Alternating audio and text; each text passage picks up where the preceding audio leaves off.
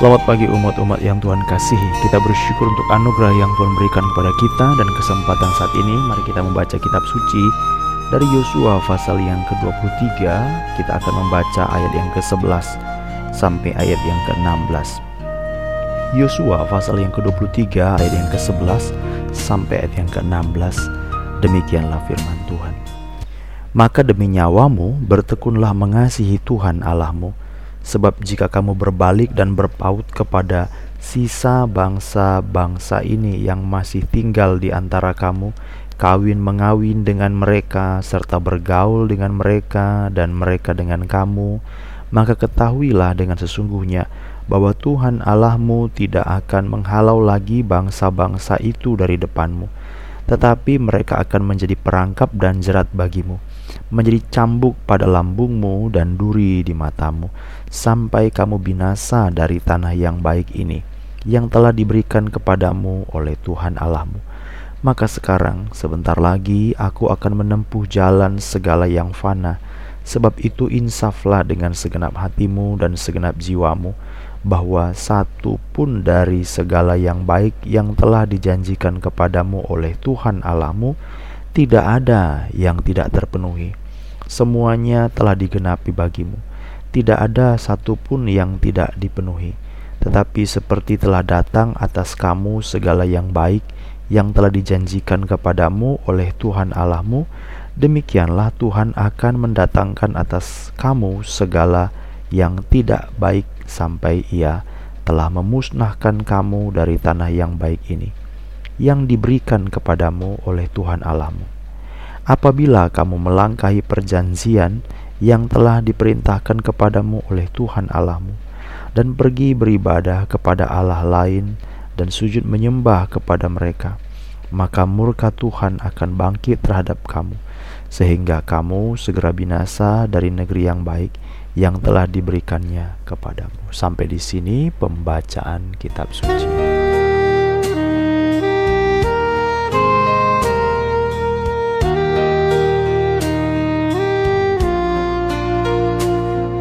Umat-umat yang Tuhan kasihi, kita sampai pada bagian akhir dari kitab Yosua adalah mengenai agama kembali, perjanjian kembali ditegakkan di antara orang Israel.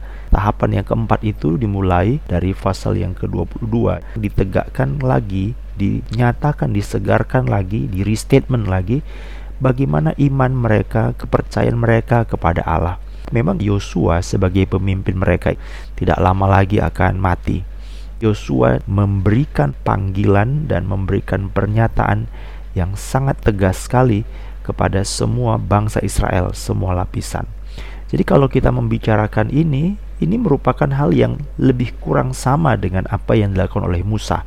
Jadi Musa pada waktu kita membaca kitab Ulangan pasal yang ke-29, Ulangan 33 dari Musa.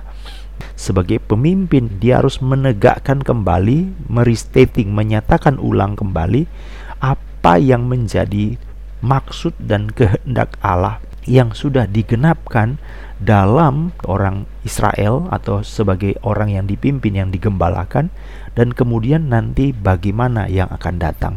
Jangan lupa segala perbuatan-perbuatan yang telah dikerjakan Allah.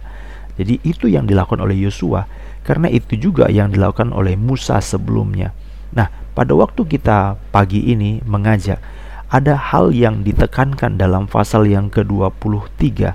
Karena kalau kita membaca ada dua kali Yosua memanggil semua bangsa dalam pasal 23 panggilan yang pertama, kemudian dalam pasal 24 panggilan yang terakhir atau panggilan yang kedua di Sikhem dalam panggilan yang pertama adalah orang-orang Israel, tua-tua, para kepala, para hakim dan pengatur pasukan.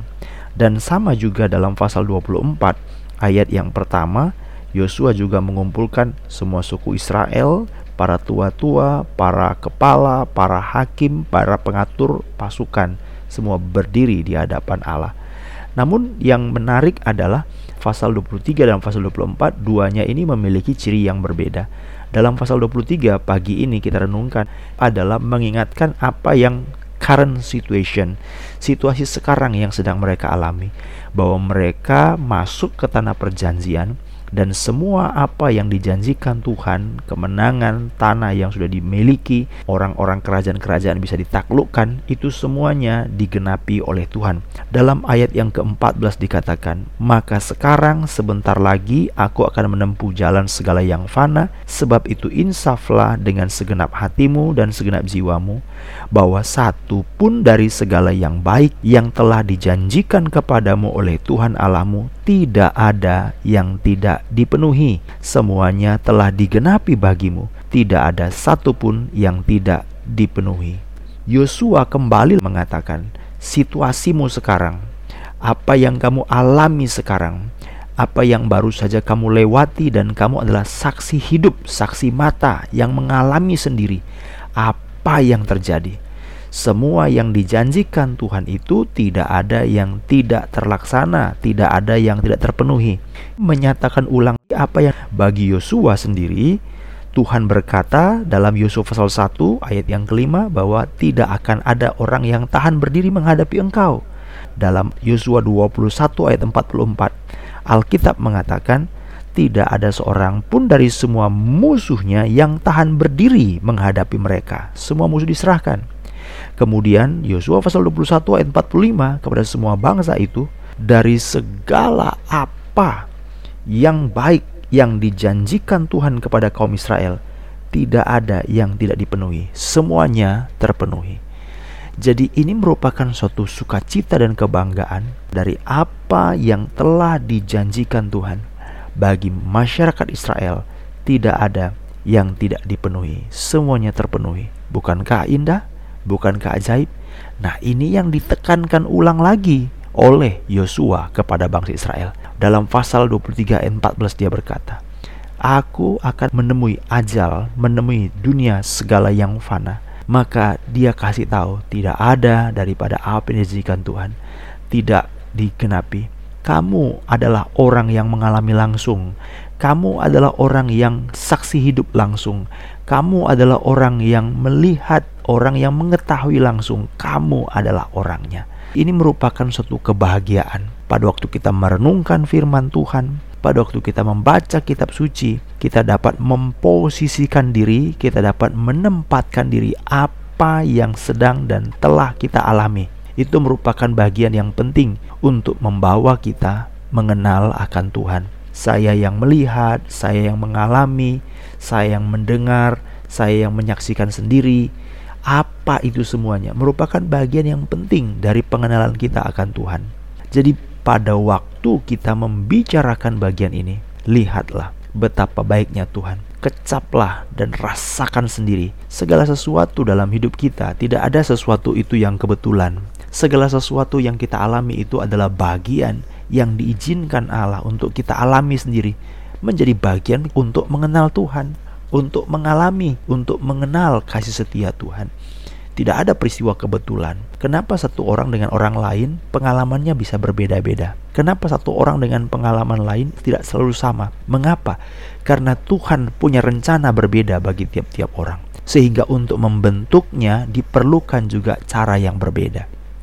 Jadi, membentuk gerabah, membentuk tanah liat menjadi bejana itu berbeda dengan membentuk besi membentuk tanah liat itu perlu cair, perlu di air ya supaya dia cair, dipukul, dikasih air lagi sehingga lunak lembut itu membentuk tanah liat. Tapi membentuk besi dia tidak butuh air, dia butuh panas, dipanaskan sedemikian rupa. Demikian juga membentuk benda lain, benda logam, benda cair, benda tanah, masing-masing tergantung jenis objeknya.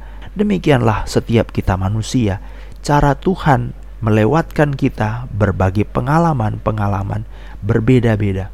Tetapi jangan saudara lupa bahwa setiap pengalaman yang kita lewati, yang kita saksi sendiri, semua ada tujuan untuk mengenal Allah. Ada suatu hal yang penting karena dalam ayat yang ke-11 dan ayat 12 dikatakan ini adalah sesuatu yang berkaitan dengan nyawamu. Ini berkaitan dengan nyawamu. Pada waktu kita mengenal akan Tuhan, itulah yang berkaitan dengan kehidupan kita sesungguhnya. Apakah engkau mau hidup? Pilihlah hidup seperti apa yang dikatakan oleh Musa. Pilihlah kehidupan. Atau kamu ingin mendapat dengan kutuk? atau kamu ingin mendapatkan jalan kematian, pilihlah di hadapan kamu. Musa berkata demikian. Demikian juga Yosua pada akhir hidupnya demi nyawamu. Demi nyawamu dalam ayat 11.